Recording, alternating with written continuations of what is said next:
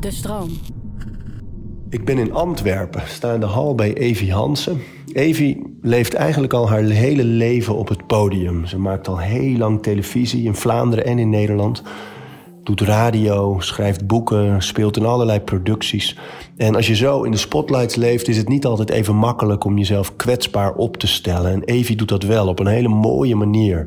Ze neemt haar kijkers, luisteraars, lezers, volgers ook echt mee in haar eigen strijd en haar eigen oplossingen. En reikt ontzettend veel mooie dingen aan om eh, grip op het leven te krijgen, zoals ze dat zelf ook kreeg. Ik heb daar veel bewondering voor. Ik heb daar in de keuken s'nachts liggen huilen op de, op, op de grond. Hey, ik heb niemand. Echt belachelijk. Wat is een mens zonder houvast in zijn manier van leven? En ieder heeft een handvat en eigen rituelen. Orde in je hoofd zodat alles te overzien is. We praten over routines. Ik had zo'n kater en, en, en vooral ik kon het niet meer weglachen. En mijn vriend die zei, haha, je hebt een kater en bla bla bla. En ik zei echt van, oh, ik vind dit niet meer leuk, dit is niet oké. Ik voelde mij een loser. We praten over routines. Je zou als we voor het huis staan niet zeggen dat dit er allemaal achter zit. Nee, ik weet het. Het is een pareltje. Het is een verborgen parel. Uh, de voorkant is het lelijkste huis van de straat. Want voor de rest staan er hier hele mooie huizen in de straat. Maar uh, dit is eigenlijk een oud schoolgebouw. En um, dat is ook wel mooi. Mijn oma die woonde hier vroeger als kind tijdens de oorlog achter de hoek. En zij is in deze school um, kolen komen stelen ja, als kind uh, toen dat dus de scholen dicht waren. En, uh, de maar de kolen er nog lagen? Ja, ja, waar de kolen nog lagen. En dus uh, dat is eigenlijk wel een mooie anekdote. Dus ja, ik woon hier heel erg graag. Ik moet nu even de toiletrol van mijn hond gaan ja. pakken. Wacht, sorry. Ja, Zaza heeft de toiletrol te pakken. Ook nieuw in mijn leven. Een, een hond. hond. Ik had nooit gedacht dat een hond zo'n aanvulling zou zijn op mijn leven. Want? Ik heb vroeger een hond gehad toen ik 12 jaar was of zo, omdat ik die heel graag wou en mijn moeder dat niet kon weigeren. Maar uiteindelijk werd het de hond van mijn ouders.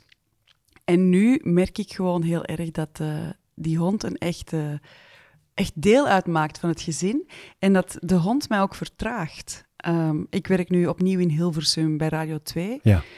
Maar dan neem ik dus die hond mee, want ik wil haar niet alleen laten. Dus zitten wij hier vier dagen in de week in een heel kleine B&B uh, in Hilversum. Moet ik vier keer per dag met haar gaan wandelen. Um, dus dat is eigenlijk um, een echte vriendin geworden. Is het een hazenwind? Uh, dat weten we niet. De mama weten we, was een jachthond en die werd gebruikt voor de fok. Maar toen kwam deze mooie dunne hond eruit en dat was duidelijk geen jachthond. Dus uh, die bleek niet mooi genoeg te zijn. Dus hebben ze haar op straat gegooid. Maar ze is de snelste van de, van de hondenweide. Dus uh, ja, ja, het is zo'n hazenweek. Ze is echt een trotse moeder. Ja, echt hè? Echt. Maar je zegt, uh, ze vertraagt je. Ja, enorm. Ja. Net zoals dat je ehm, kinderen krijgt, moet ik rekening houden met haar. En um, ik ben... 2020 in november had ik mezelf voorgenomen om elke dag 10.000 stappen te zetten. En uh, ik doe dat nog steeds. Maar die, dat eerste half jaar had ik mijn hond nog niet. Dus dan, ja, dan ging ik naar buiten en dan ging ik twee uur flink doorstappen. Podcast in mijn oren en stappen, stappen, stappen. En toen kreeg ik die hond, want ik dacht, ik wandel veel, dus geef me maar een hond. Maar met een hond moet je op het tempo van de hond ook vaak wandelen. En dus um, duren die 10.000 stappen veel langer dan vroeger. Um, maar uh, ik vind het ook wel boeiend om te merken hoe ik door de ogen van mijn hond naar de wereld kijk. Ik woon in de stad, maar zij rent heel graag, dus ik moet de natuur opzoeken. Zij snuffelt ook heel graag, dat jachtinstinct zit erin. Dus dan ga ik echt in Antwerpen alle kleine stukjes zakdoekgroot uh, struikjes opzoeken waar dat zij kan snuffelen. En dan vind ik het wonderlijk dat ik denk dat ik toch konijntjes bijvoorbeeld zie. Dan denk ik midden in de stad een zakdoek groot staat er hier een parkje en toch lopen hier konijntjes rond en eekhoorns rond en die beesten die doen alsof dat dit hun grote wereld is.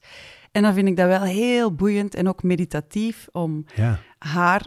Zij leidt mij dan eigenlijk door het bos. En uh, ja, vandaag bijvoorbeeld we, zijn we al gaan wandelen en ik heb al heel erg hard gelachen om haar bijvoorbeeld vandaag. Waarom?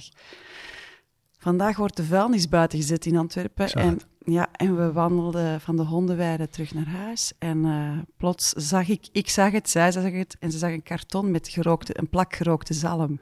Dus ze nam dat in haar mond en ze zet zichzelf schrap omdat ik dat natuurlijk ging afpakken. Maar ik moest dan al lachen, omdat zij wist wat ik ging doen. En ik wist wat zij wou doen. En we hebben een compromis gesloten dat ze toch even ervan heeft mogen bijten. En dan heb ik gezegd, los, pa, vies. En dan zijn we weer verder gewandeld. Maar ja, het zijn die dingen. Ik het lijk wel verliefd, hè. Kijk, en nu bijt ze aan de mat wat ze nooit doet, behalve als ze geen aandacht krijgt en er mensen in huis zijn. Sasa, gedraag u eens. Hè? Niet doen, mag niet. Ik wou ook altijd een, een, ik wou heel graag een baby, maar ik vond mezelf ook te oud en ik had dan vier kinderen. En eh, het grappige was, eh, ik voelde echt die drang hè, naar baby's. Hè. Oh, ik hou echt van baby's, dus ik, als ik, ik liep voor, in, in, de, in de supermarkt voorbij de, eh, de speentjes en voorbij de, de, de, zo de poedermelk en al die dingen. En ik dacht, oh, ik wil echt een baby. Maar toen kreeg ik die hond als puppy, vier maanden. En ja, ik dacht, oh, ik moet gewoon zorgen. En die, de, ik heb echt die, de, die moedergevoelens heb ik echt op die hond kunnen projecteren. En dus ook s'avonds, s'nachts, zo'n puppy die huilt dan. En dan ging ik zo naast haar op de bank om haar te troosten. En ik was er dan tijdens de lockdown heel vaak mee bezig. En ik, dat voelde ook een beetje als een baby. Dus, dus uh, en het is iets minder werk dan een baby. En voordat wij kwamen was je aan het wandelen met de hond. Ja, ik heb Maar al laat- een hele ochtend van alles gedaan. Nou, laten we gewoon eens aan het begin beginnen. Ah ja, van vandaag? Ja. Ehm, ik, eh, de kinderen zitten nu op school, maar er was geen brood in huis. Dus ik heb mijn wekker eh, extra vroeg gezet, om kwart over zes, om nog naar de bakker te wandelen voor vers brood. Ik zou mijn fiets kunnen geven, eh, ik zou mijn fiets kunnen nemen, want dat gaat sneller. Maar dat doe ik dus te voet. Dat is niet zo heel ver, dat is tien minuten wandelen. En dat doe ik dat wel bewust. Ik heb de hond niet meegenomen. Ik had ook geen eh, podcast op, omdat ik wou genieten van, eh, van de stilte in de stad. Dan kwam ik terug, heb ik eh, de jongens rustig wakker gemaakt, muziek op, kaarsjes aan. Ik probeer het altijd heel gezellig te maken voor iedereen. Ja, jij appte mij in, in voorbereiding op ons gesprek dat je zei, je neemt, je, je zorgt dat ze vroeg, extra vroeg opstaan, Ja. zodat je een hele reeks last minutes Ja, kunt doen. ja dus last minute poepen. Ik weet, allez, bij ons Ja. dat kakken, Ja, maar jullie betekent het ook iets, anders. hè? ja. Doen ze maar iets later. Ja, maar ehm, eh, dat, ik denk dat dat iets is dat heel veel ouders eh, herkennen. Dat Ja. kinderen, die hebben geen haast, wat prachtig is. Ehm, maar om dat te counteren op voorhand, en dat heb ik echt al, al heel snel ingezien, omdat ik heel snel een alleenstaande mama was. Ik eh, mijn, ben gescheiden toen mijn kinderen één en twee waren. Geldt dus ook voor de papa. Ehm, dus dat is best wel druk om dan in je eentje ehm, alles klaar te krijgen. En dan merkte ik, als ik nu eh, ongeveer een half uur extra calculeer ik in. Dus eigenlijk is iedereen klaar om acht uur, maar we hoeven maar naar school te vertrekken om half negen. Dus in dat half uur kan heel de wereld nog ontploffen. Eh, bij wijze van spreken kan er nog van sneakers gewisseld worden. Kan de oudste nog eh, tandpasta morsen op zijn trui. Kan er nog een schoolwerkje, een vergeten schoolwerkje, alsnog bij, bij elkaar gesprokkeld en geknutseld worden. Eh, kan er nog eens uitgebreid naar het toilet gegaan worden, omdat ik mijn kinderen geen stress wil meegeven. Mooi. Ja, en het gra- grappige is dan dat dat echt ook effect heeft op de kinderen, omdat zij zich niet opgejaagd voelen. Ah man, ik, ik loop daar ook zo tegenaan. Dat ik vanmorgen kwam Steven, een collega die hier nu ook bij is, naar mij toe, omdat we samen hierheen Ja. zouden rijden. En die kwam echt net aan het staartje van de, wat wij altijd de ochtendchaos noemen. Ja. Dat je inderdaad alles klaar. Het is mijn verantwoordelijkheid, aankleden, eten. Alleen er is toch altijd, en ik merk dat ik dan toch vaker roep, jongens, we hebben geen tijd. We hebben Ja, geen ja, tijd. ja. En dan denk ik precies aan wat jij nu zegt, dat ik ze dat eigenlijk niet mee wil geven. Dat er een volwassen leven is waar tijden een factor zijn en waar je moet. Eh, maar juist wil ik zo graag dat ze dat gevoel niet hebben. Nee, dus eh, dit is een goede tip voor mij eigenlijk. Ja, nog geeft. vroeger opstaan. En Ja. ook, eh, maar dat is zo, ja, zorgen dat alles al klaar staat. Dat zeg ik ook wel tegen de jongens hoor. Ik vraag s'avonds van, zet je boekentas al klaar en de kleren al klaar liggen. Als, als kind deed ik dat ook al. Dat, als zij echt heel klein waren, dan had ik dat echt op de zetel klaargelegd. Dus eh, van kousen tot onderbroeken tot schoenen, dat lag allemaal klaar. Hun, eh, hun eh, rugzakjes, hun broodtrommels had ik vaak al gesmeerd, ook in de diepvries. Want als dat dan ontdooit, dan is dat lekker vers tegen de middag. Ehm, en dat is, dat is een is ongelooflijk als je dat klaar hebt, en dan sta je als ouder zoveel rustiger op. Ja, kalmer hè? Ja. ja. Dus uh, ja, dat is wel een tip. Ja, maar een deel doen we wel, de kleren klaarleggen. Zo, maar dat van de brood is een goede. Ja, maar ik... Ik, moet, ik ben eigenlijk al iets vergeten, want wat ik normaal doe, is ik mediteer s ochtends. Voordat je aan dit begint? Voordat ik aan heel dit begin. Maar uh, bijvoorbeeld deze ochtend had ik eigenlijk mijn wekker om kwart over zes gezet. En dan ga ik op mijn rug liggen en dan doe ik even een bodyscan. Altijd. En dat kan echt nog als je half slaapt. Hè. Gewoon zelf even van, oké, van mijn hoofd naar mijn voeten, hoe voel ik mij? Het doet er iets pijn, fysiek. En toen voelde ik alleen maar, ik ben nog heel moe. Dan weet ik dat ik dat dacht. En ik heb pijn in mijn grote teen, zo dat. Ehm, en dan uh, draai ik me nog eens om en dan kan ik even met mijn vriend knuffelen. En ehm, ja, dan sta ik op en dan doe ik wat ik moet doen. Dus zelfs al had ik misschien nu niet de tijd om echt te mediteren, ik heb wel de tijd genomen om even naar mezelf te luisteren. En ook die bewuste keuze van naar de bakker te gaan te wandelen, terwijl de fiets veel sneller is. En dus geen podcast of zo op te zetten. Ehm, dat zijn wel van die kleine dingen die ik ondertussen, omdat ik al zo lang mediteer, dat ik dat wel in mijn dagelijkse leven integreer zonder het echt altijd te beoefenen. En wat ik mooi eraan vind, is dat je inderdaad kiest voor die, die, zo'n moment waarvan een ander denkt nog even een beetje sluimeren paar minuutjes. Ja, ja, ja, maar die paar minuutjes zijn heel veel waard dus. En ja, bedoel daar kan je, veel meer in doen dan sluimeren. Ja, zonder dat je daar ehm, eh, effectief moet gaan werken of zo. Ik bedoel, uh, liggen, je bent dan toch half wakker. En ofwel val je terug in het slaap en dan word je negen minuten uh, later heel erg misselijk wakker, ik. Hè, want dan zit je weer uh, in een droom en dan moet je weer... Terwijl als je denkt van oké, ik ga gewoon rustig op mijn rug liggen en dan leg ik letterlijk mijn handen op mijn borst en op mijn buik. Ademhaling. En ook al ben ik dan nog half aan het slapen, ik ben daar wel echt bewust mee bezig om al eens te checken hoe voel ik mij. En um, eigenlijk begint de dag met een beetje zelfzorg. Op een hele zachte manier. Nu zitten we meteen al bij, bij het boek dat je gemaakt hebt natuurlijk. Dat is waar, ja. Die negen minuten meditaties. Wil je daar eens over vertellen? Ja, heel graag. ik mediteer al uh, langer. Ik ben uh, gestart met meditatie oh, acht, negen jaar geleden, toen ik op een heel moeilijk punt zat in mijn leven. En ben ik eigenlijk heel toevallig in contact gekomen met meditatie, omdat iemand zei, misschien moet je dat proberen. En ik dacht, why not? Echt zo, why not? Dus um, ik... Uh, ben heel uh, gedisciplineerd beginnen mediteren door de jaren heen. Uh, ook zelf op onderzoek uitgegaan, wat ligt mij het beste? Want je hebt zoveel vormen van meditatie, mindfulness, uh, rust zoeken in jezelf. En um, tijdens de lockdown hier in Vlaanderen, dus dat was eind 2020, um, ehm, hadden we met drie vriendinnen besloten, enfin, we waren zelfs geen vriendinnen, maar kennissen, een collega-actrice en een, uh, een, een, een, iemand die kende via Instagram, waar, ik wel een goed contact mee had, een, dokter. En uh, we besloten om met ons drieën elke ochtend te mediteren op afstand. Dus gewoon vanuit in ons bed. Uh, hetzelfde zoals je een, loopmaatje hebt of een sportmaatje of waar je samenkomt om koekjes te bakken. Dat, maar dat mocht dan allemaal niet, dus dan dachten we, dan hebben we een soort van regelmaat. En wat wij deden, was om kwart voor zeven de wekker zetten. En dan deden we alle drie dezelfde meditatie. En dan hadden we achteraf, uh, door de dag, stuurden we WhatsAppjes uh, in een groepje van hoe vond jij het? Bij mij deed het dit, bij mij deed het dat. En dan s'avonds kozen we een andere meditatie en die deden we de volgende ochtend opnieuw. En die deden we 21 dagen. En na die 21 dagen zei er iemand in die WhatsApp-groep van... Maar kunnen wij dat ook niet? Want wij luisterden altijd naar ofwel Engelse podcasts, ofwel uh, Franse podcasts. Maar ik, ik, mijn Frans is helemaal niet zo goed, dus dan lag ik mij te concentreren van... Begrijp ik het wel goed? Of uh, Nederlandse podcasts. Maar wij zijn Vlaams. En dat was er eigenlijk nog niet.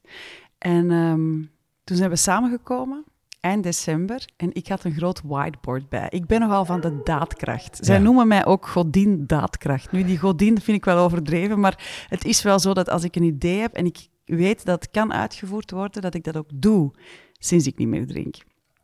Daarover, daarover straks ja. meer. Ehm, en toen zijn wij, want we mochten nog niet samenkomen. In België was alles heel streng. Eh, dus dat was december 2020 voor de feestdagen. En hebben wij een kampvuur gemaakt en toen zijn wij beginnen brainstormen. En toen kwamen wij op het idee om snoesmeditaties te maken. Omdat we meditaties wilden maken zo laagdrempel mogelijk. Dus als mensen nog in hun bed liggen, als ze slapen, dat ze gewoon blijven liggen. En in plaats van hun wekker op te zetten, die meditatie te starten. Eh, van exact negen minuten, want zo lang duurt dus het snoezen. Over negen minuten, negen minuten later. Waarvan ik me altijd heb afgevraagd waarom negen? Waarom, hè? Ja, dat weet ik ook niet. Dat de- ik heb het opgezocht, maar eh, dus op Nee? Wikipedia staan er een paar verschillende eh, Ja. conclusies. Dat het net geen tien minuten is. Maar toen, om een, kort verhaal eigenlijk nog korter te maken, die avond hadden wij besloten om snoesmeditaties te maken. 21 gingen we een challenge doen. Hebben we meteen alle thema's opgeschreven die we zouden doen, verdeeld onder ons drieën. Hebben we een, een bevriende eh, muzikant, een filmcomponist eh, aangesproken, die dat, dat ook wou doen, gratis. En zijn we daarmee aan de slag gegaan. En ons enige doel was om dat cadeau te geven aan de wereld. En we zouden dat gewoon ons eigen centjes erin stoppen. Een goede studio. eh, en eh, een Instagram- Instagram-account lanceren met vrienden. Zo brik à brak een YouTube-kanaal lanceren. En dan zouden wij daar die meditaties opzetten. En dat zou het dan zijn. En ehm, dat was meteen een ongelooflijk succes. En eh, dat groeit en dat groeit. En, en nu is dat echt wel een begrip. En ehm, ondertussen hebben we slaapmeditaties gedaan. Hebben we sneaky meditaties gedaan, ook wel leuk. Sneaky? Tussendoor, omdat mensen vaak niet willen zeggen van ik ga even mediteren. En ehm, het zijn, dat, dat is ook, alles duurt nog negen minuten. Dus vandaar nog negen minuten, omdat we dan zeggen... Goedemorgen, blijf nog even liggen. Nog negen minuten speciaal voor jou. Ehm, en dat geeft ons ook trouwens, die ne- negen minuten geeft ons ook altijd een heel duidelijk stramien. Een heel duidelijk doel, een routine, een, een eh, ritueel dat je daar binnen moet blijven. Ehm, en dus die sneaky meditaties, dat zijn er nu zeven, daar komen er nog bij. Ehm, die mensen kunnen doen als ze bijvoorbeeld op hun werk zitten. Ik heb een wandelmeditatie geschreven van negen minuten. En ik zeg, zet gewoon je koptelefoon op en begin te wandelen. Al is het door de gang, al is het op het parkeerterrein. Ik praat je erdoor, dus ik doe ook een soort van bodyscan, dat je even eh, de- via je tenen en voelt hoe je gewrichten bewegen. In het midden zeg ik, we zijn nu ongeveer in de helft. Dus als je nu terugwandelt, dan kom je na negen minuten gewoon terug aan achter je bureau. En je hebt een hele reset gedaan. En zo hebben we er ook op het toilet geschreven, maar ook ehm, als je staat te wachten in de wachtrij. Je hoeft ook niet altijd je ogen toe te doen om, om even een reset te doen en even je aandacht bij jezelf te houden in plaats van bij al die prikkels die je binnenkrijgt. En toen kwam ehm, eh, de vraag van een uitgeverij om daar ook een boek over te schrijven. En ehm, ik, ik sta nog elke dag en wij alle drie versteld van oh, iets te starten zonder enig plan, zonder daar geld aan te verdienen, want wij hebben daar altijd geld zelf ingestoken. En dat het dan zo ontvangen wordt en dat het dan... Ja, ik, ik kom al langer op tv, dus mensen spreken wij, mij wel regelmatig aan. Maar nu spreken mensen mij echt aan in het park. Zo van, hey Evie, ik wil je even bedanken, want ik word elke ochtend met jou wakker. En dan besef ik ook van, natuurlijk, ik zit in jouw oor, hè.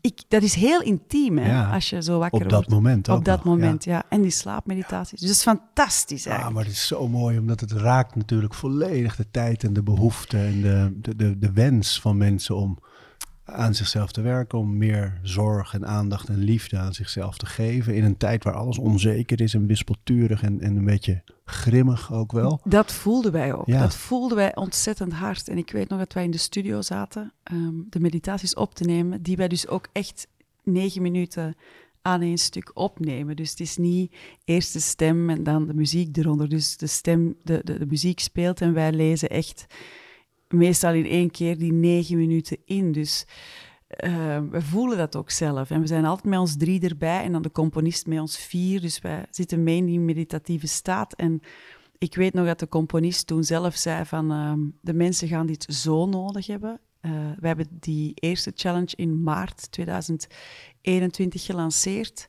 als een soort van verwelkoming van de lente. En mensen zeggen ons dat van, wij hadden dat echt nodig om, om, om uh, positief wakker te worden. en zo overzichtelijk. En zo overzichtelijk, negen minuten. Dus... Ja, en het grappige is, mensen vergeten soms dat hoe, hoe, krankzinnig het fenomeen snoes is. Als je erover nadenkt dat het allereerste voornemen van de dag, namelijk op te staan en te beginnen, dat stel je uit. Meteen aan het begin, dat, dat, haal je niet meer in. Ik, ik snap, want ik weet dat jij tegen snoezen bent. Hè? Ja. ja, ja, ja. Nee, maar dus um, heel veel mensen snoezen. En, en hm. of dat dan nu goed is of niet, je doet dat. Je snoest. Allee, veel mensen snoezen. Dus zij, we hebben letterlijk die negen minuten die je toch kwijt bent, ja. gebruikt voor iets positiefs. En soms zeggen mensen, ja, maar dan val ik terug in slaap. Ik zeg, ja, maar hoe lang snoes jij normaal? Ja, 40 minuten. Ik zeg, ja, dan heb je 40 minuten gemediteerd. Ook prima. Je, je hebt iets gedaan met een verloren negen minuten. En even terug naar wat je zei, hè, dat je acht, negen jaar geleden eh, een lastige periode had en toen begon met mediteren. Kun je daar iets over zeggen? Ja, ja, ja zeker. Uh, ik ben toen gescheiden. Um, en ik, uh, ik heb al een paar keer gezegd, ik, ik, uh, de glans in mijn leven was weg. En het is niet...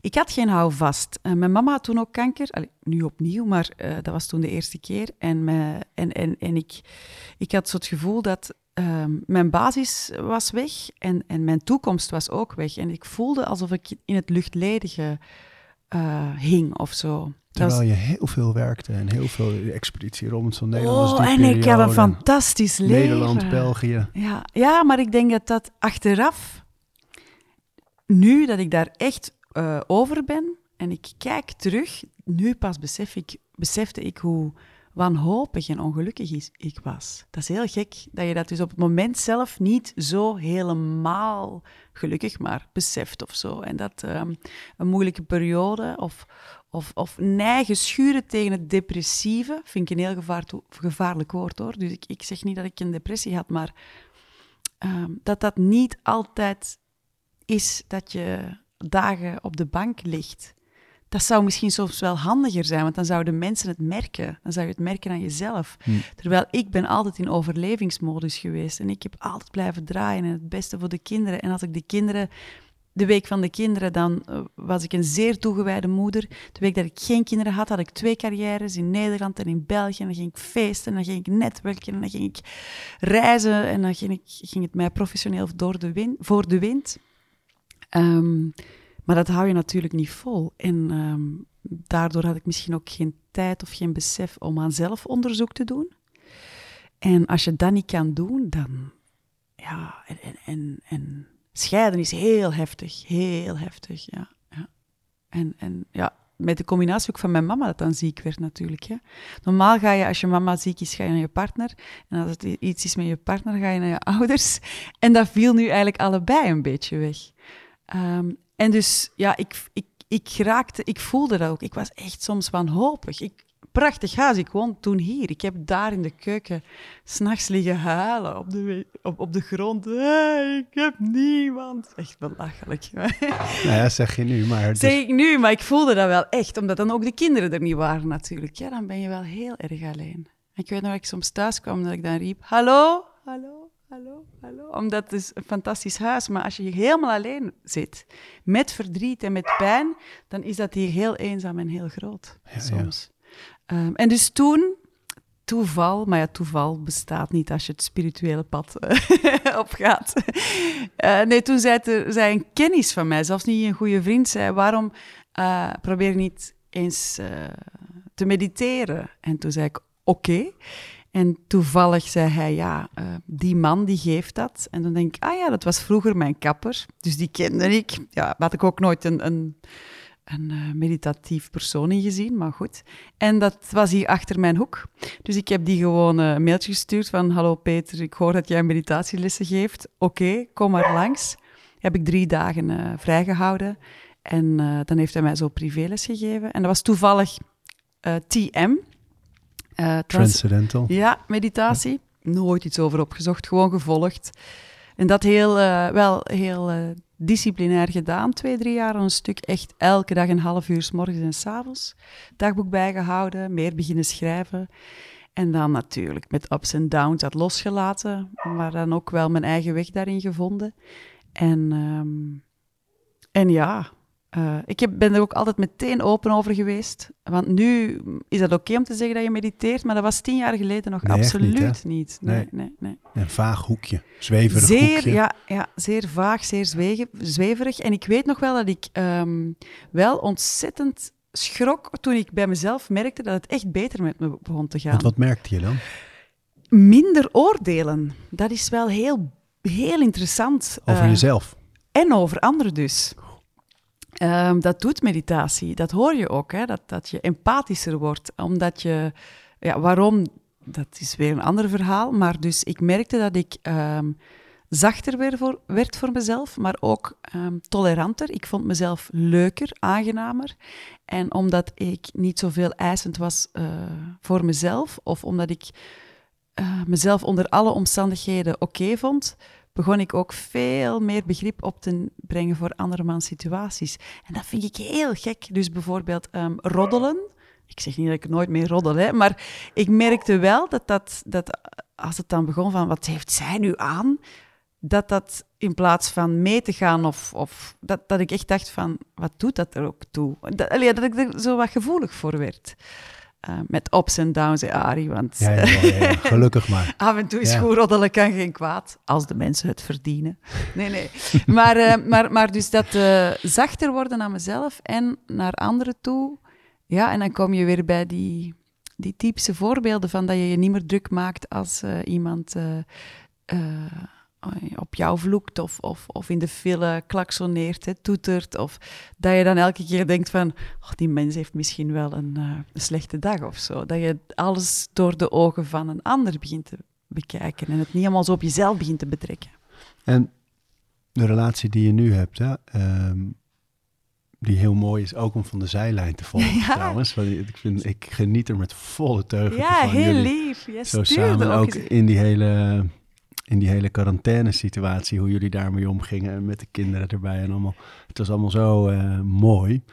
Maar denk je ook niet vaak dat het zo werkt dat op het moment dat je zo aan de slag gaat met je eigen ja. leven en veel meer ook lief bent voor jezelf, dat je pas dan echt weer klaar bent voor connectie? Ja, en dat je dan pas de juiste persoon tegenkomt. Ja, Want um, dat is wel heel bijzonder. Dan heb ik nog tijdens dat mediteren acht jaar uh, woehoe, gesukkeld en uh, gefeest. En uh, dan was ik nog vrij wanhopig. Maar dan was die meditatie wel een reddingsboei voor mij. Dat ik niet kopje onder ging. Dat ik dus zo op kon leunen. en dat, dat, dus dat, dat is misschien niet wat dat meditatie hoort te zijn, maar dat hielp wel om niet helemaal te verdrinken in. in, in. Dus, dus dat, dat, goed dat dat er is geweest, maar dan ging het nog een stapje verder. Dan um, heb ik eigenlijk een, een paar uh, dingen meegemaakt die ik niet had verwacht. Bijvoorbeeld mijn deelname aan Wie is de Mol. Dat was eigenlijk achteraf een heel groot kantelpunt in mijn zelfontwikkeling. Ik was namelijk al van mijn twintig jaar, want in België was dat, is dat twintig dat is uitgevonden door Belgen, dat programma. Ja, dat weet ik, een Belgische producent. Ik was zo'n fan daarvan. Ik droomde daar destijds over. En ik, ze hadden mij al een paar jaar gevraagd van wil je meedoen, maar dat kwam niet uit met mijn agenda. En dus toen ze mij dat vroegen, was ik, ik begon te huilen van ik mag meedoen met Wie is de Mol? Voor de rest had ik totaal geen voorbereiding gedaan, want ik was natuurlijk weer bezig met allemaal projecten. En, en, en dus ik dacht, oh, ik ga meedoen met Wie is de Mol. En ik vond dat zo fantastisch. En toen, Ari, kwam ik aan in Colombia. En na de eerste avond belde ik naar mijn contactpersoon. Dat was een vriend. En ik zei, dit is niks voor mij. Ik kan dit niet aan. Ik kon die, die dubbele die dubbele persoonlijkheid niet aan. Het spel. Ik, het spel, maar ik had dat totaal niet verwacht, want ik keek daar zo ontzettend naar uit. En en ik was ook de enige die heel de tijd zei van, kunnen we nu even niet babbelen over wie de mol is? Want ik dacht, als we gewoon elkaar leren kennen, dan wordt dat wel duidelijk wie het wordt. Naïef. Ik kwam ook dan beneden aan de ontbijttafel en toen zag ik iedereen met zijn schriftjes zitten opschrijven. En toen dacht ik, moet ik dit oh, moet ik echt gaan onthouden of jij nu kaas eet of ham eet? En, en, en ook het feit dat, ehm, dat ik dan niet meer gewoon met mensen in gesprek kon gaan, omdat ik voelde van, ofwel vertrouw jij mij niet, ofwel mag ik jou niet vertrouwen. En ik ben zo niet. Ik, ik, ik ben gewoon wie ik ben en ik ga er ook altijd van uit dat de andere dat ook is. En plots kwam dat spel in mijn gezicht terecht en ik voelde mij zo slecht. En ik weet nog, ik, ik reisde toen ook heel vaak voor drie op reis. En BNN-varen, ja. ja, en na dag vier stond ik echt zo... oh, dat was weer zo een, een proef en ik dacht echt, wat sta ik hier te doen? Want ik hoef het niet te doen om verre reizen te maken. Dat doe ik al. En ik heb het thuis met mijn kinderen. eh, toen ken ik mijn, mijn vriend nog niet, maar ik heb het zo goed. En, maar het feit dat ik iets deed waarvan ik dacht dat het iets voor mij was en waarvan ik wat een meisjesdroom was en dat zo tegensloeg. En dat vloog ik er als tweede uit. Allee, als eerste uit, maar gelukkig de tweede aflevering heb ik toch nog iets meegemaakt. Maar dat was... Ik was helemaal in de war ook. Ik, ik was langs de ene kant opgelucht, langs de andere kant vond ik het jammer, maar langs de andere kant wist ik dat ik het niet aankon. Ik, ik heb daar nog nachten over gedroomd. Ik, eigenlijk zat er meteen een woef, trauma in. Misschien goed dat ik er snel ben uitgegaan. Maar dus, ehm, dat was echt een breekpunt voor mij. En daarna ben ik heel erg ziek geworden. Ook in die eenzaamheid, echt drie, drie weken later. En toen sloot ik mezelf weer op. En toen, Arie, heel raar, ben ik naar een... eh, dacht ik, ik moet voor mezelf zorgen. Zover was ik dan al. En de kinderen waren niet bij mij. En eh, toen heb ik ook heel intuïtief een, een, eh, een massage geboekt van twee uur. En er stond iets bij met kristallen. En ik dacht dat dat een hot stone massage was. Weer niet gecheckt, ik check nooit iets. Ik lees nooit gebruiksaanwijzingen, ik doe gewoon. Dus ik naar die vrouw hier in Antwerpen. En ehm, die was net afgestudeerd, dus die had zo een eigen kamertje ingericht als meditatiepraktijk. En je hoort de belletjes bloem, bloem, bloem, bloem, bloem. En wierook dat er brandde. En zij kwam naast mij zitten en ze zei, oké, voor we eraan beginnen, vertel. Dus ik dacht, oh, maar ik voel mij slecht en ik heb koorts en ik had een maagsfeer en ik had, ik had van alles. En ik, dus ik dacht, oké, oké. Dus ik begin gewoon te vertellen. En dan moest ik ruiken aan allemaal parfum, allemaal geurtjes. En dan, zij sorteerde dan kristallen. En ik dacht alleen, oh, begin mij nu te masseren. Kom aan, begin mij nu te masseren. En toen zei ze, en hoe is de relatie met uw vader? En toen zei ik, oh, ja, dat is wel oké, alleen het is niet echt oké, maar bla bla bla. En ik begon zo een beetje uit te leggen. En, en toen zei ze, aha, dus eigenlijk heb je het gevoel dat jij nooit aanvaard bent geweest door uw vader. En ik dacht, wat, wat zegt ze nu allemaal? Ik ben op die bank gaan liggen. Zij is beginnen dingen te doen eh, met die kristallen. Ik weet het niet. Ofwel was ik aan het eilen van de koorts, ofwel is er iets gebeurd. In elk geval, ik zag toen alle liefdes van mijn leven voor mij staan. Klinkt heel zweverig, maar het is wel hoe dat is gegaan. Maar dat was dus van twintig jaar geleden. eh, allee, allemaal mannen die ik graag had gezien, wa- waarvan, waarvan ik hield. Maar die stonden ineens allemaal op één lijn. Dus het leek voor mij of er geen jaren tussen zaten. En toen dacht ik echt, wat is het patroon? Wat mis ik hier? Wat loopt er fout? En toen dacht ik, juist, ik kies altijd voor mannen die eigenlijk geen rekening houden met mij. Niet slecht bedoeld altijd, want er waren mannen bij die heel verliefd waren op mij, maar die, waar ik niet verliefd op was, maar die niet echt luisterden naar mij. Enfin, dat dacht ik. Wat is er gebeurd na die eh, massage? En nu is het mooie. Ik ben naar mijn vader gegaan en ik heb gezegd: Papa, ik zit met een paar vragen. Namelijk, ik heb het gevoel dat door onze relatie dat ik ook iets mis in mijn relatie met andere mensen. En toen zei hij: Ja, Evie, ehm, die vraag heb ik mezelf ook gesteld toen ik jouw leeftijd was en scheiden van jouw moeder. Ehm, dus ik zal jou de familiegeschiedenis vertellen van mijn overgrootvader, mijn grootvader en mijn vader. En bleek dat het allemaal ze eigenlijk heel mooie mannen zijn die eh, in de steek zijn gelaten of zich in de steek gelaten voelden, heel jong naar een kostschool zijn gestuurd, die in elk geval nooit ehm, de juiste liefde hebben, gekend. Daarom geen onaardige mannen, hè?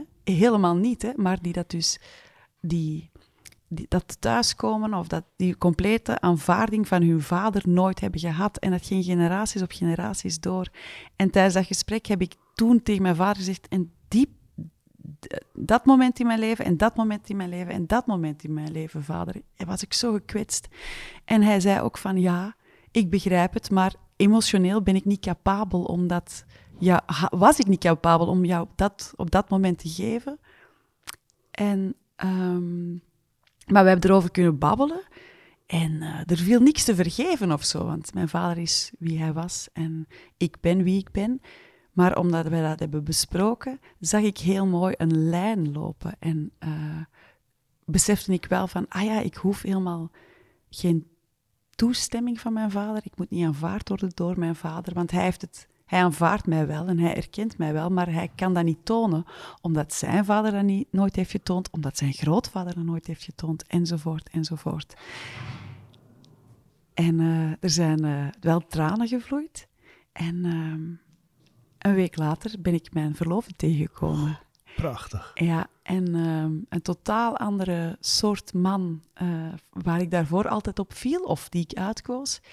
En ik geloof echt, dat is nu het hele verhaal, dat het feit dat ik echt heb gegraven en naar mijn vader ben gegaan en, en, en op zoek ben gegaan, en alleen de missing link heb gevonden, wat er misschien scheelde uh, in, in, in de relaties die ik aanging. En waarom ik altijd uh, op zoek ging naar bevestiging überhaupt. Ik bedoel, als je, als je kijkt naar mijn carrière, en misschien die van jou ook, en in de media, is dat toch ergens een soort van bevestiging zoeken. Dat is heel dus gevaarlijk. altijd sprake van een publiek ja. en van waardering ja. of kritiek. Ja, Ja. En, en dus uh, wat ik eigenlijk heb ingezien, een lang verhaal kort maken, is dat um, ik snapte dat de mannen waarop ik viel niet altijd de juiste mannen voor mij waren. Maar dat zie je niet, omdat je een beeld... Ik had altijd een beeld in mijn hoofd. En je vult het dan in. En je wilt daar niet van afwijken. En dat is best wel moeilijk om dan plots verliefd te worden op een man die eigenlijk... Zowel uiterlijk als innerlijk compleet anders is, maar waar, waarvan je wel meteen voelt van, ah, zo hoort de liefde dus te zijn. Dat is heel makkelijk. We komen gewoon thuis, bij elkaar thuiskomen. En uh, dat is het lange verhaal van mijn, Mooi, mijn joh. liefde. Ja. Maar, uh, Maar zo mooi denk ik ook om te voelen dat er bij ons allemaal natuurlijk in het leven dingen zijn die iets blokkeren. Iets groots of iets kleins. En dat je daar ook, ook dus iets aan kunt doen. Dat het weer gaat stromen. En maar dat is, dat is moeilijk, hè, Arie? ja, ja, Want mensen moeten dan naar zichzelf beginnen kijken. En dan moet je gaan graven in iets. En je moet je eigen beeld bijstellen. Van heel veel. En ik denk dat, nou ja, wat wat je zelf nu ook vertelt, dat er een andere reden moet zijn. Dat je dan, nou ja, wat je vertelt, liggend op de keukenvloer huilend en ik ben alleen. Weet je, zo'n gevoel van alleen zijn. Ja, dat je- toch alleen en dan wel heel veel succes hebben en zo. Ja. En kinderen en familie en alles in orde. En, Ja, maar dan ga, dan ga je zoeken. Ja. Weet je, en voor de meeste van ons is het natuurlijk zo dat leven kabbelt zo een beetje voort. En het is ook weer niet een enorm probleem, dus laat maar gaan. Terwijl er is zoveel te winnen als je wel gaat zoeken en wel gaat kijken van waar zit het. ja, maar met dat voortkabbelen, ehm, dat is natuurlijk, dat ligt niet in mijn karakter, voortkabbelen. Nee? Dus, du- dus, dus ik, ik zie wel heel veel mensen rondom mij die echt wel met iets zitten, maar die dat het dan, ja, het is geen echt probleem, dus ze laten het maar. ja, ja. Terwijl ik had ook niet echt een probleem, hè. Allee, ik bedoel voor de buitenwereld. ja, ja. Eh, ik, ik had nog zo blijven kunnen toffe relaties aangaan die elke keer stopten. Alleen, het, het, het, het eiste zoveel van mij, zowel fysiek als mentaal. Ja. Ja, Deze aflevering wordt je aangeboden door Squarespace. Dat is een alles-in-één platform waarmee je heel makkelijk zelf je website kunt bouwen.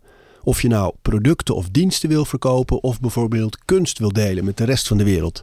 Ik noem even kort drie functies van het platform.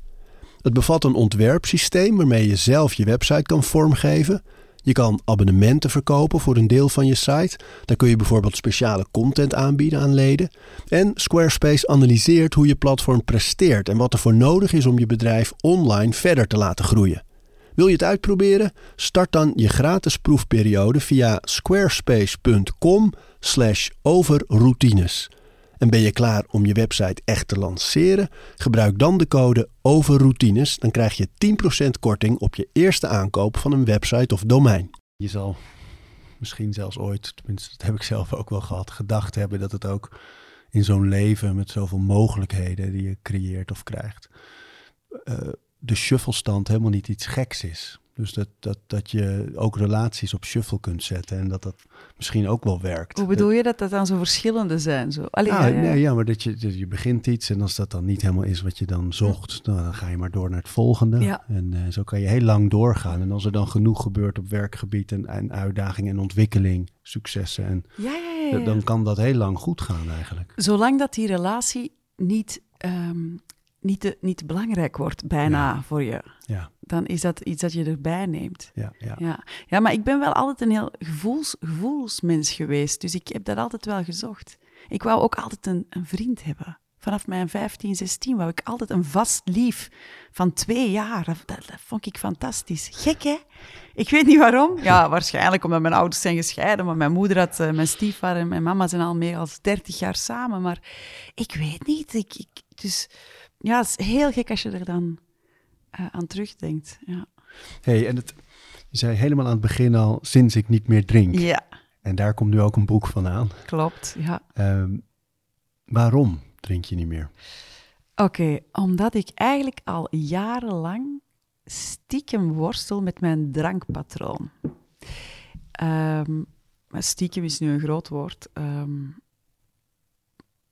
omdat uh, ik niet zo stiekem dronk dat ik flessen achter, de lege flessen achter de droogkast verstopte of zo. Helemaal niet. Ik dronk. Mensen vragen me altijd, maar hoeveel dronk je dan? Dat is dan de spiegel die ik plots ben voor andere mensen. En dan zeg ik, oh, um, niet elke dag, maar wel bijna dagelijks. Um, of soms twee glazen wijn, soms een fles wijn, soms een week niet. Um, dus dus de vraag is dan nog altijd van waarom ben je gestopt? Die anekdote van het begin van het boek is... is... Ja, dat is wel keihard. Ja, die komt hard aan. Is dat het voorwoord? Ja. Daar ik vertelde dat ik de laatste keer dronken was met mijn vriend. Ja, maar, maar, weet je... Nou ja, vertel hem eerst eens als je zou willen hoor, als je zou willen. uh, dat was... Uh, uh, wij waren toen gaan eten bij vrienden die heel lekker hadden gekookt. En uh, we waren met de fiets en ik had daar zoveel gedronken. Het was een hele toffe avond trouwens. Hè. Het was een hele leuke avond, zo typisch, met vrienden discussiëren over politiek en bla bla bla. Uh, maar we waren met de fiets en ik had zoveel gedronken dat ik niet meer kon fietsen. Want het is heel moeilijk. Mensen zeggen, tuurlijk, drinken en autorijden gaan niet samen, maar fietsen en drinken gaat ook niet samen.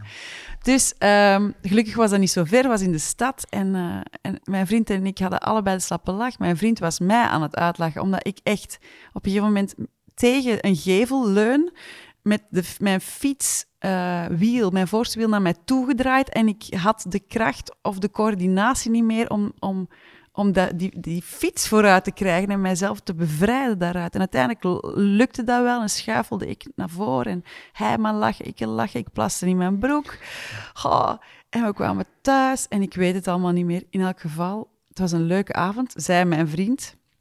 En ik werd de volgende dag wakker en ik, ik, uh, ja, ik had zo'n kater. En, en, en vooral, ik kon het niet meer weglachen. En mijn vriend die zei, haha, je hebt een kater en bla bla bla. En ik zei echt van, oh, ik vind dit niet meer leuk, dit is niet oké. Ik voelde mij een loser. En waarom kon ik niet stoppen na een tweede, derde glas?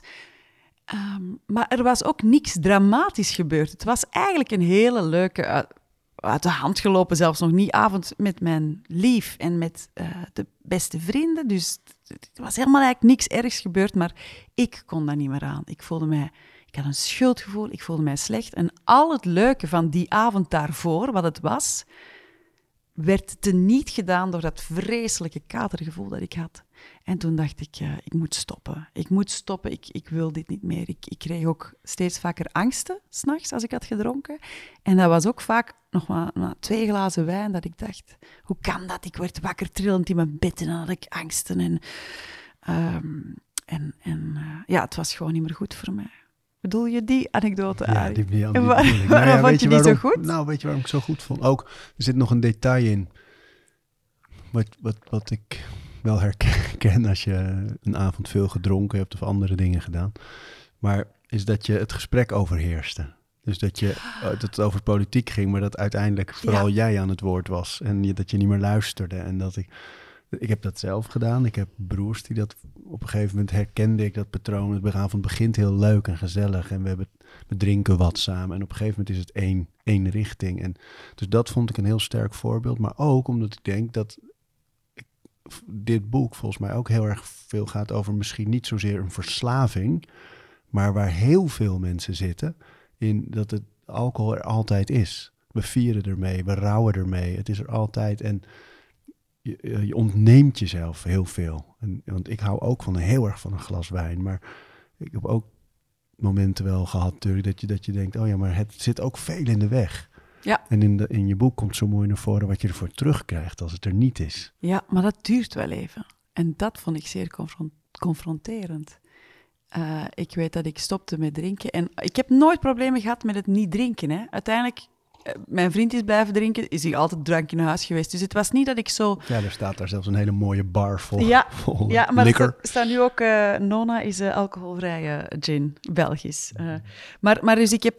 Bij mij was het gewoon een kwestie van, ik drink niet. Dus ik zet het glas niet aan mijn mond. Dat is...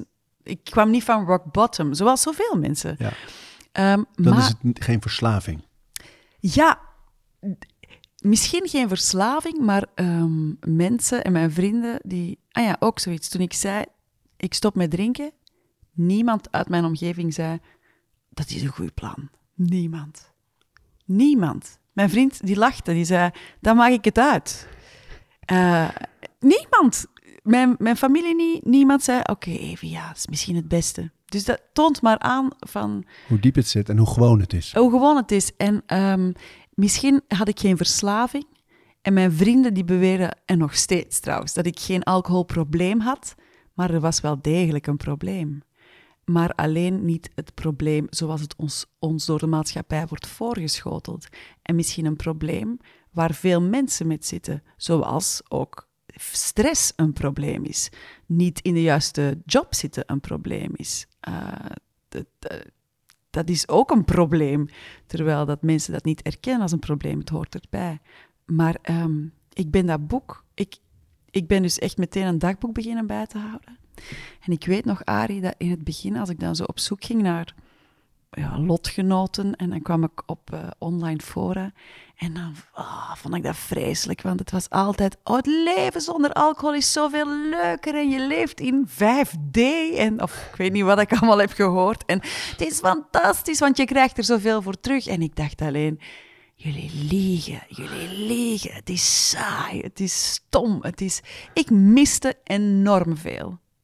En ik eh, vond het ook heel moeilijk. En dat is, dat, eh, dat is eigenlijk na, na een jaar, anderhalf jaar, en daar ben ik nu wel door, was, eh, ik vond het heel moeilijk dat er zoveel van mijn identiteit in die Evie lag met het glas. Ik was Evie die graag dronk en die, of graag dronk, die wel rock en roll was en die toch wel hield van een feestje en die ook echt een leuke, leuk dronken was. Je kende mij, ik was oké. Dus, ehm, dus, dus dat vond ik heel moeilijk. En ik weet nog in het begin, toen ik dan eh, mensen leerde kennen, ik deed toen mee in een musical Mamma Mia, allemaal jonge mensen van twintig, die mij natuurlijk kenden al heel hun leven van op televisie. En dat ik dan s'avonds, dat ze dan uitgingen in de kroeg en dat ik dan naar huis ging en dat ik bijna zei van, maar normaal gezien ben ik echt leuk. Ik ben niet zo saai. Normaal gezien, ik wou echt zo al verhalen beginnen te vertellen, mijn dronkenmansverhalen beginnen te vertellen, omdat ik zo bang was dat de mensen zouden denken dat ik ben wie ik ben, namelijk een vrouw die niet drinkt. Maar dat vond ik een vreselijke gedachte. En, en dat, dat stukje identiteit dat daarin ligt, dat herken ik bij heel veel mensen en heel veel vrienden. En dan de bijhorende kwaaltjes ook, die dat bij mij allemaal zijn verdwenen als sneeuw voor de zon sinds, sinds ik niet meer drink. Ja, dat is wat je zei toen ik erover begon, net voordat we gingen opnemen. Dat je zei, ik heb zoveel, ik had nooit gedacht dat ik er zoveel voor terug zou krijgen. Nee. Wat bedoel je dan? Ehm, ik kan heel concreet zijn. Er zijn een paar. Laten we beginnen met mijn eetpatroon. Sinds ik niet meer drink, heb ik eigenlijk een gezonde relatie met eten. Ik heb eh, anorexia van heel dichtbij gekend. Ik heb het zelf niet gehad, maar het scheelde niet veel. Maar in mijn klas in de middelbare school, mijn beste vriendinnen, eh, heel heftig. Ehm, in de media is ook iedereen slank. Dus ik heb heel vaak en heel lang ehm, geen suiker gegeten, mezelf, geen, mezelf nooit een dessert, ge- een toetje gegund, geen brood, geen pasta, geen rijst, geen... Af en toe is frietjes, dat mocht dan als uitspatting. Ehm, en ik ging elke dag op de weegschaal staan en ik vond mezelf altijd lelijk. En ik ging sporten om te vermageren. En ondertussen bleef ik maar rustig wijn zuipen. Toen ik stopte met drinken... ehm, ik ben niet afgevallen. Ik weeg op tot op de gram hetzelfde. Maar het gekke is, ehm, ik mag nu alles eten. En ik kan alles eten. En ik eet heel intuïtief. En ik heb nu voor het eerst in mijn leven dat ik doorheb van dat ik energie haal uit mijn eten. Dus als ik, eh, ja, ik, ik eet wel, ik eet gezonder, ehm, maar gevarieerder. Dus ik, ik, ik kan gewoon mee eten met de kinderen en ik eet wat aardappelen en ik eet wat rijst. En ik eet als ik honger heb een boterham of ik eet wat kwark of ik eet enkel fruit. Ehm, als ik zin heb in een toetje, dan eet ik dat. Dat moet niet elke dag, maar dat kan. En ik voel nu dat mijn lichaam het voedsel gebruikt om te bewegen. Maar Arie, kan je je voorstellen wat een rust dat mij geeft? Dat ik eindelijk na 30 jaar niet meer hoef bezig te zijn met het tellen van calorieën. Dat ik niet meer bezig moet zijn met mezelf schuldig te voelen als ik ocharme een, uh, een donkere bruine boterham eet. Dat ik mij niet slecht moet voelen omdat ik eens gewoon gebakken rijst eet. Dat, ik, dat is zo een last van mijn schouders gevallen dat is al heel, heel, heel belangrijk, omdat ik zie dat heel veel diëten, er zijn zoveel mensen die op oh, diëten gaan, die dat... Ik heb dat ook allemaal gedaan. Crash-diëten, man. Ik heb me volgekapt met alleen maar proteïne. En dat hielp dan wel, maar dan kom je daarna toch terug bij. En... Maar mijn drank moest al, wel altijd blijven, dat is het grappige. Het eerste was, en hoeveel per week mag ik drinken? Dat.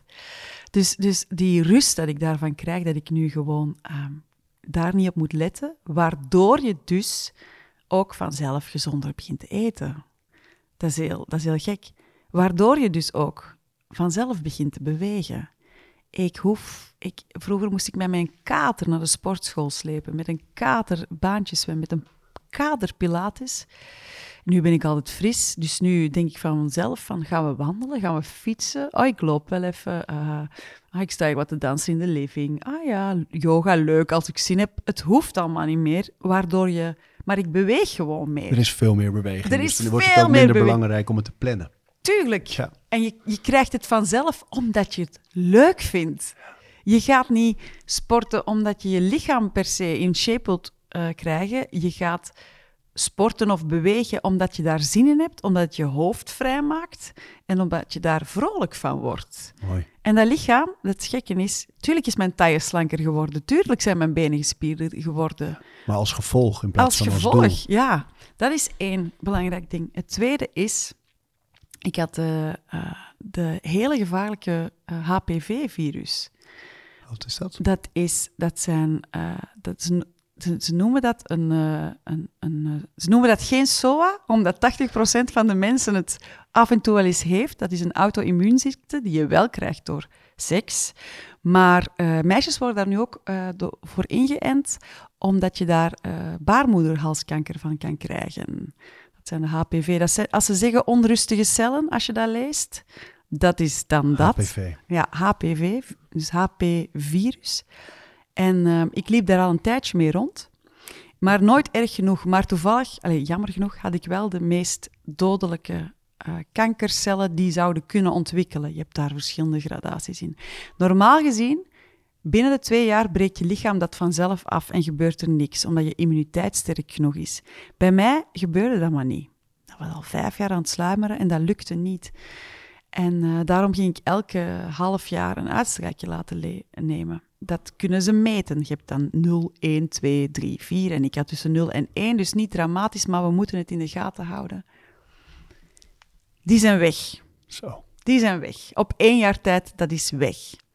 En um, dat kan toeval zijn, maar ik geloof daar niet in. Ik geloof ook echt, ik voel dat ook dat mijn immuunsysteem eigenlijk beter is. Dus sinds ik niet meer drink, ben ik zwart op wit verlost van die kankercellen. Dat, dat is nu zo.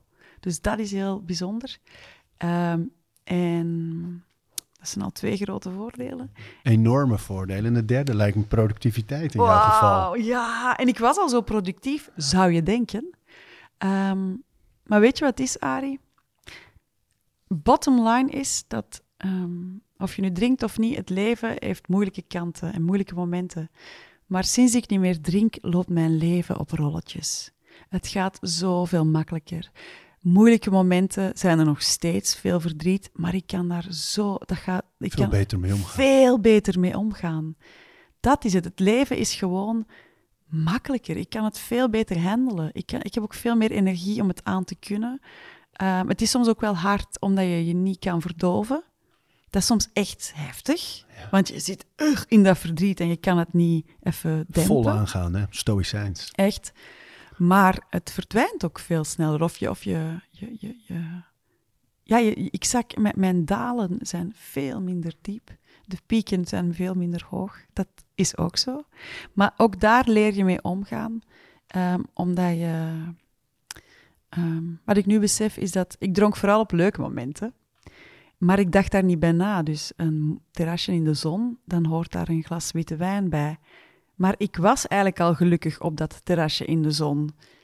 Ik moest daar niet... Moest, ik, ik, dat was een gewoonte. Dat Omdat, wil je juist niet verdoven eigenlijk. nee, maar het was een gewoonte om bij een leuk moment dat nog meer op te leuken. En van die gewoonte moet je af. En dat is heel gek, want je bent zo gewend van een leuk moment nog leuker te maken. Ehm, en, en als je dan eindelijk daaruit bent en dat dat uit je systeem is, want dat is ook griezelig hoe lang dat in je systeem zit, dan pas snap je van, ah ja, ehm, het, voor mij wordt het leven niet leuker zonder alcohol, maar eh, ik heb de alcohol niet meer nodig om het even leuk te hebben. Maar je bent geen missionaris daarin. Hè? En, en, In niks hoop ik. nee, maar en toch is het, denk ik, in- dat herken ik, dat is een mooie koers, denk ik ook. Om, je reikt wel heel veel aan. En je laat wel Ja. zien wat het voor jou betekent en hoeveel goeds en moois het kan teweegbrengen. En daarin zit natuurlijk ook wel een behoefte om iets mee te geven. Absoluut. Maar ehm, daar haal ik ook voldoening uit. En, en ik wil ehm, een beetje oh, normaliteit zo wat terug ook creëren. Ik Ja, wil ook gewoon ouder worden. En, en, dat is ook al heel zeldzaam in mijn wereld. Bij vrouwen, hè. Ja, ja. En, ehm, en, en het gekke is dat hoe normaler ik ben, hoe bijzonderder het dan plots wordt. Dat is, ik, ik doe helemaal geen grote dingen. Ik mediteer aan negen minuten. Ik, eh, ja, ik laat niet aan mijn gezicht werken. Als je dat wel doet, moet je dat vooral doen. Maar ik doe dat dan niet en dan is dat iets bijzonders. Ik stop met alcohol en dan zeg ik vaak...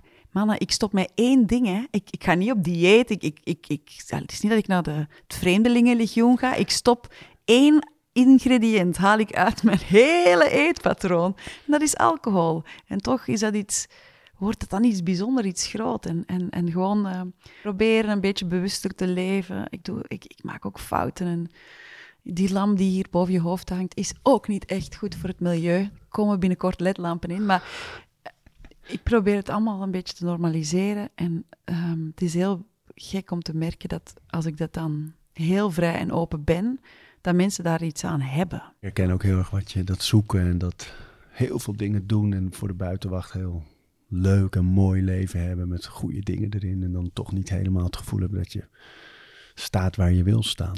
Dat is heel moeilijk, hè? Ja. Maar ehm, ik sta nu wel echt waar ik wil staan. Ja.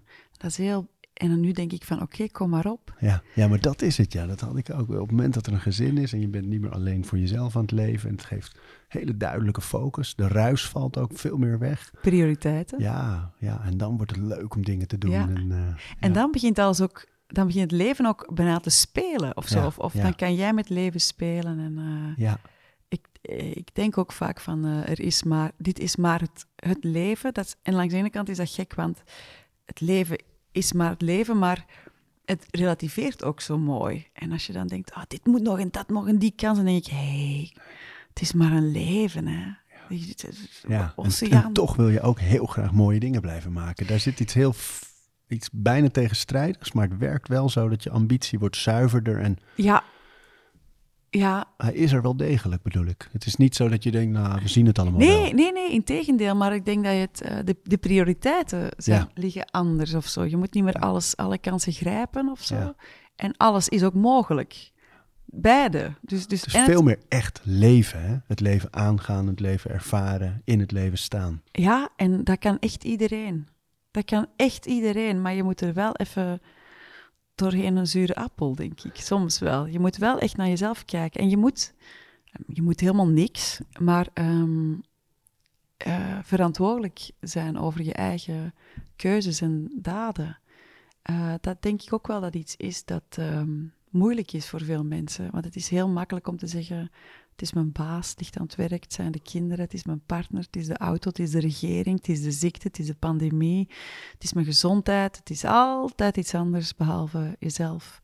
En als je daarmee stopt en ervan probeert om eh, te beseffen dat alles wat je doet, wat je zegt, hoe je leeft, hoe snel je leeft, hoe traag je leeft, dat dat je eigen keuze is, Ja, mooi. dan wordt dat wel duidelijk. Je, je bepaalt je eigen tempo zelf. Ja, dat mensen zich goed realiseren dat je misschien geen invloed hebt op wat er allemaal gebeurt in je leven, maar wel op hoe je daarmee omgaat. Absoluut, Ja, absoluut. Ja, soms krijg ik, en dan krijg je ook van, ja, jij hebt makkelijk praten.